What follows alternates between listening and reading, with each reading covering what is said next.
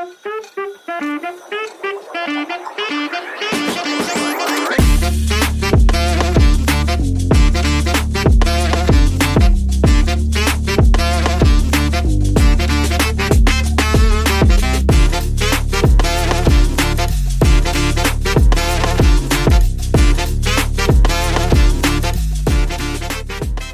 avsnitt av Travfeber med Banditen och Travburman. Hur är läget?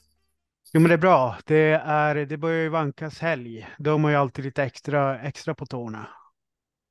Är du laddad? V75 och jackpot och...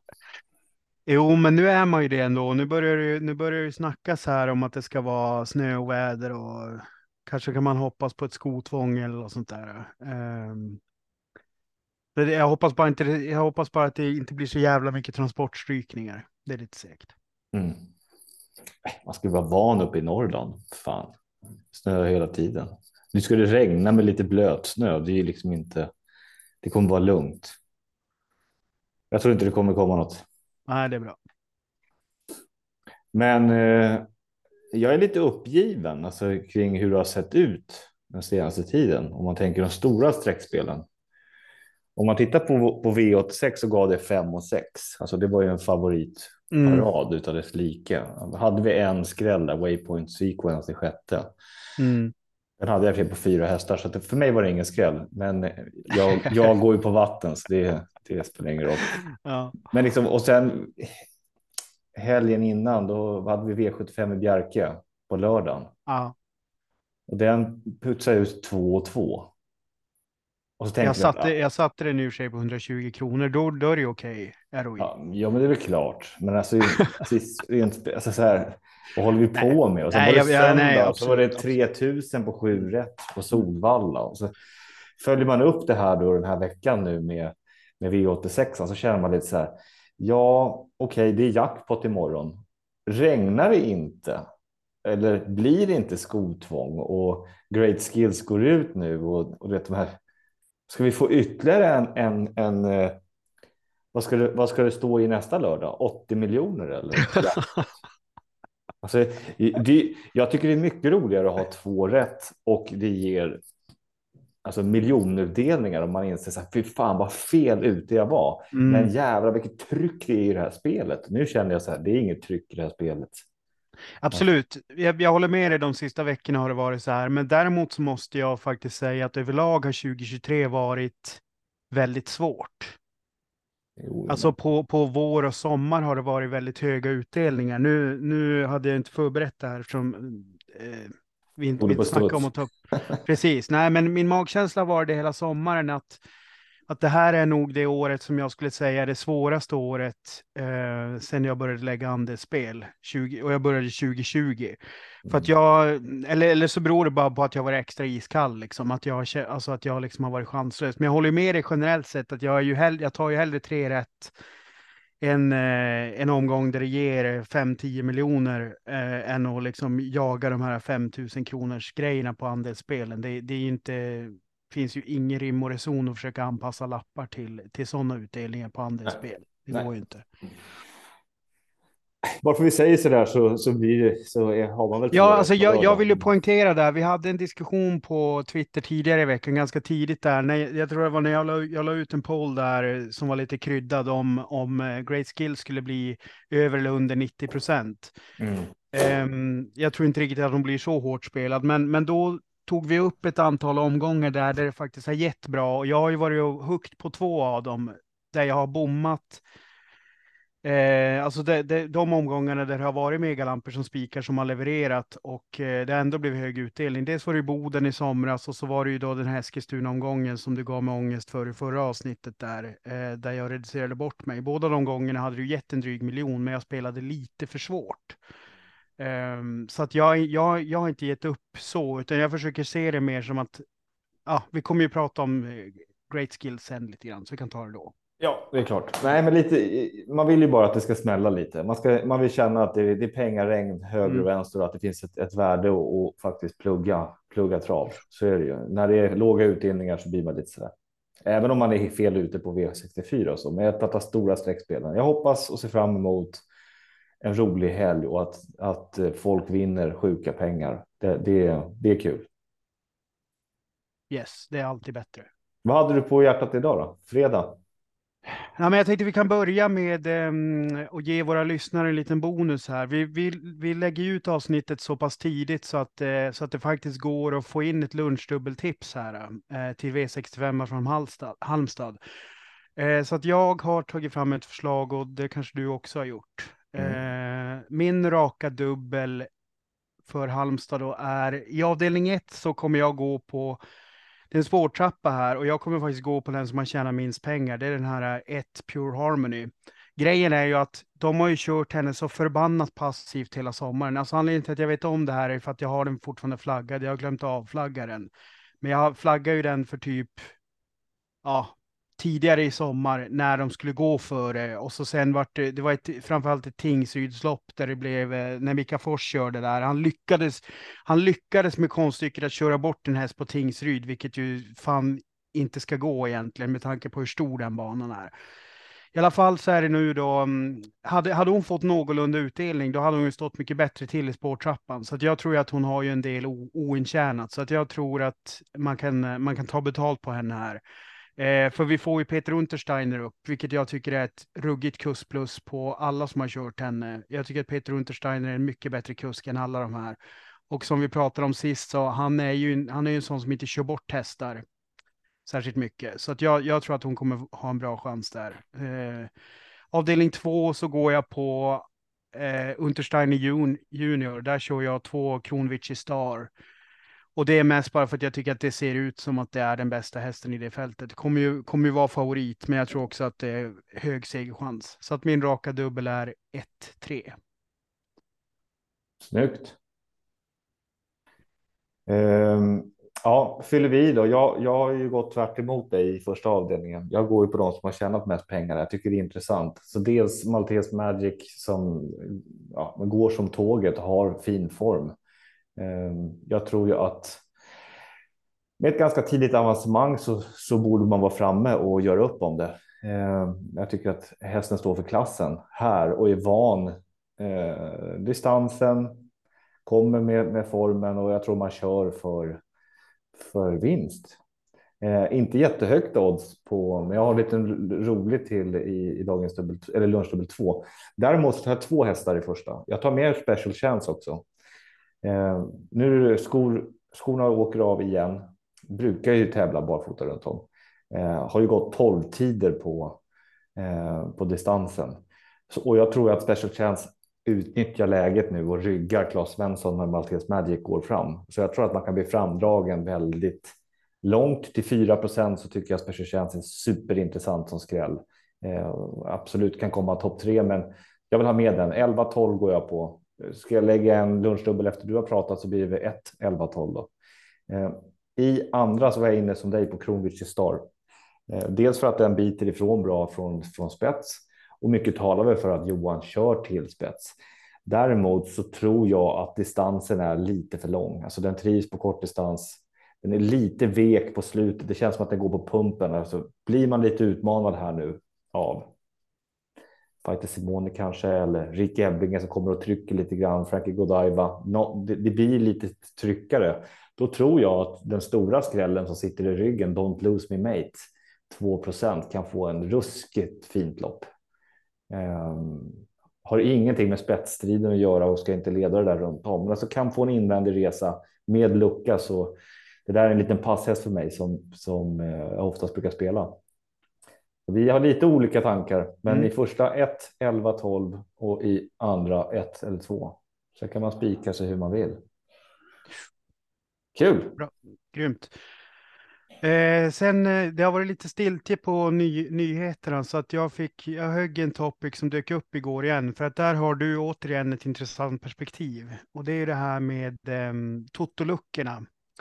Därför att de är ju faktiskt igång fortfarande i Frankrike och du, du har ju faktiskt varit en hel del på trav i Frankrike. Så att jag tänkte höra med ditt perspektiv där kring det. För det skriks ju så oerhört mycket i Sverige om att, eh, att vi förblöder av att inte ha totoluckor ute på banorna. Vad, vad är din syn kring det egentligen? jag, tycker, jag tycker att de ska finnas, absolut. Och det är ju det där att spelar ingen roll vart folk har pengar instoppat i fickan om man 500 kontanter och jag, jag, förstår ju var det kommer ifrån i Sverige. Det, det, vi lever i en kontrollstat. Allt ska kontrolleras, allt ska följas och vara spårbart hit och dit, bla bla bla. Penningtvättslag.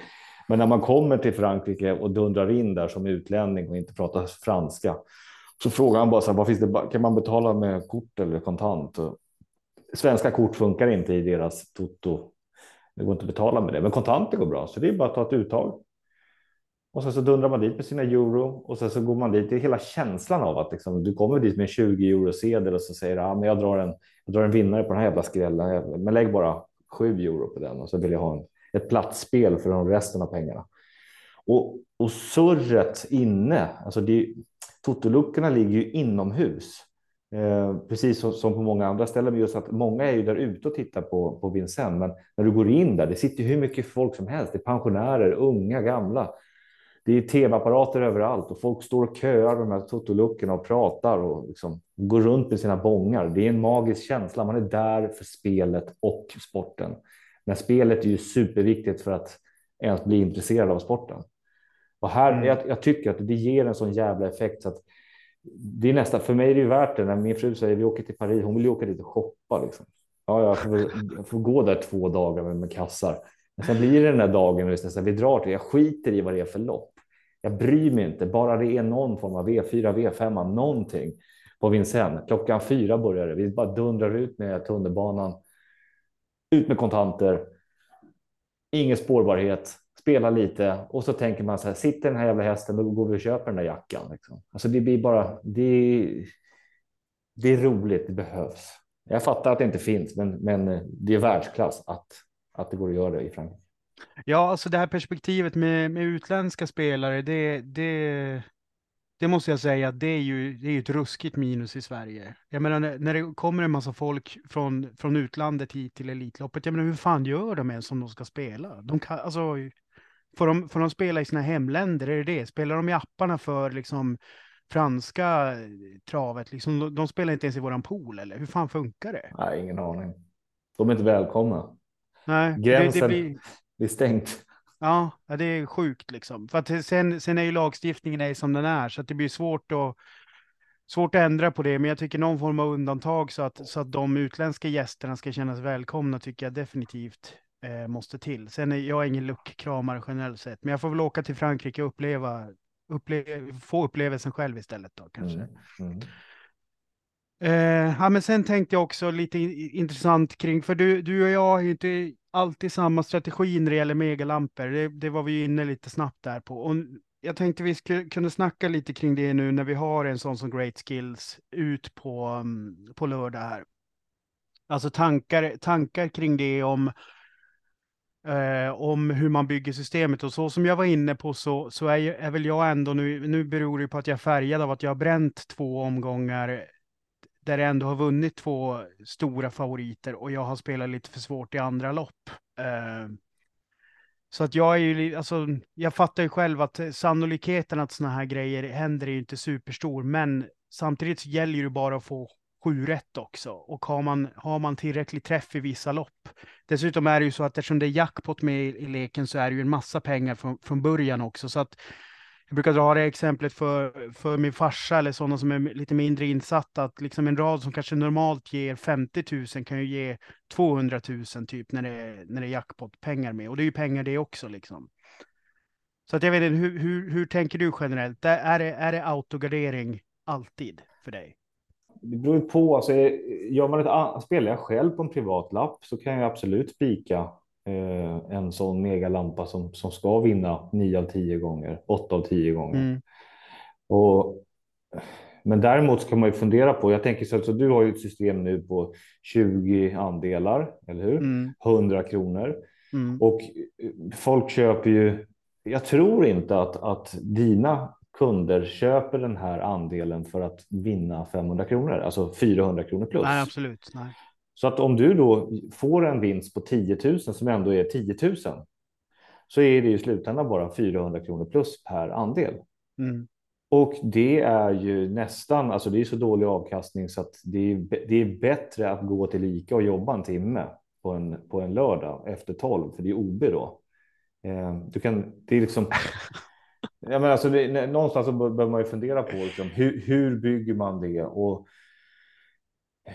självklart så kan man göra det, men då måste man också fundera på att ja, då kanske i, i sista avdelningen där pengarna fördelas, där kanske jag måste ha många och försöka jobba in en skräll, för det kan fortfarande ge betalt så att man någonstans styr lite grann. Man ger lappen eh, någon form av chans till lite mer pengar. Man behöver inte alltid göra som mig då, bänka jättehårt betrodda hästar och hoppas att de skarvar, för de vinner oftast och så har jag med alla skrällar och så hade jag vunnit pengar ändå. Så man behöver inte vara korkad i det hänseendet. Men Nej, men sen, sen, tycker jag att det finns ju en skillnad här och det är ju det att hon har ju så, alltså för mig är ju det här en, en bra favorit på riktigt och det är därför jag lite tänker på det i mer som en slags V65 med, med liksom jackpot-förstärkning. För att det är åtta hästar i loppet, det har ju blivit en strykning så att hon har sju motståndare kvar. Hon har bästa spåret. Eh, det är väl om det, det, det, det, som skulle kunna trixa, det är ju liksom om, om det är så att de måste slå på skor, för hon har ju gått väldigt mycket barfota eh, på slutet. Men samtidigt är det ju inte, det är inte mördarguld hon ska ut, det är ju inte San och Power direkt. Så att i det läget är jag ju ändå att när, när jag då har bränt en mille på att jag tar fyra streck när Frasse Sett var ute på Boden och sen så pajar mitt system på grund av att jag inte tar tillräckligt många i sto Alltså det hade ju räckt om jag hade tagit två streck på Boden. Då hade jag ju satt sjuan på, um, på Boden och dragit in en mille liksom. Mm. Så att eh, Men var, det är ju var, så att... Ja. Att konstruera spel, att, att, att skapa andelsspel, det bygger ju på att man har en passion för det man gör. Eh, och det är ju lite yrkesstolthet också. Om tänker så här, det är en V75 och en häst spelar till 81 procent. Alla hittar den. Min farmor som är död, hon hade hittat den. ja, jo, alltså, du, du, eller hur? Och då är frågan så här, okej, okay, men om den bara vinner och du pratar om att det är en V65, för normalt sett brukar du spika två spikar va, i en, på en V75. Ja, men det gör jag alltid. Då kanske du ska gå på tre spikar den här omgången. Då. För att någonstans, här, vart, vart ligger din yrkesstolthet? Är det att försöka hitta spelvärda spikar eller hästar som du tror vinner, bygga runt? Eller ska man liksom bara av ren lathet tänka att det är V65 och spika great skills och tänka att jag vill bara ha en skiva. jo, jo, men, men det är ju så här att det, mitt track record med att spika högprocentare är ju inte bra, så att det är ju det är inte Eh, det, det, i det här, jag fattar att du tar upp det som en eh, diskussionspunkt, men jag har, jag har gjort en analys som säger att jag tycker nog att det finns värde trots att hon blir högt spelad. Ja, så, så som, det, som det, Ja, så som det är nu. Jag vet inte vad fan hon ligger på nu. Jag måste 81. säga att hon... Ja, det. Ja, då börjar jag närma. Jag, jag, jag, tror att den riktiga linan jag hade tänkt mig var runt 85 på henne. Så vi får se om den, den borde väl kunna, hon borde väl kunna nå upp till det då. Är den spelvärd till 87 procent? Alltså jag är, det, beror, det, beror, det, beror på, det, beror, det beror på lite förutsättningar på banan imorgon. Om det nu är moddigt och jävligt och det börjar snackas om skor, då, då, då börjar jag ju tveka. Men är det, är det liksom fin bana och det, det är snack om att det är lugnt att köra barfota, då tycker jag fan att det är det. Det spelar ingen roll vad procenten står på den. Om du väljer att spika en häst i ett lopp, då tror du att den har 100% vinstchans. Eller hur? Ja, ja. Alltså, det finns inget tvivel då. Har valt en häst, oavsett om den är ja, nej, men det är absolut. 10, då är den 100. Det spelar ingen roll om den spelar på 98 för att du har ändå satt den som 100 procent vinstchans.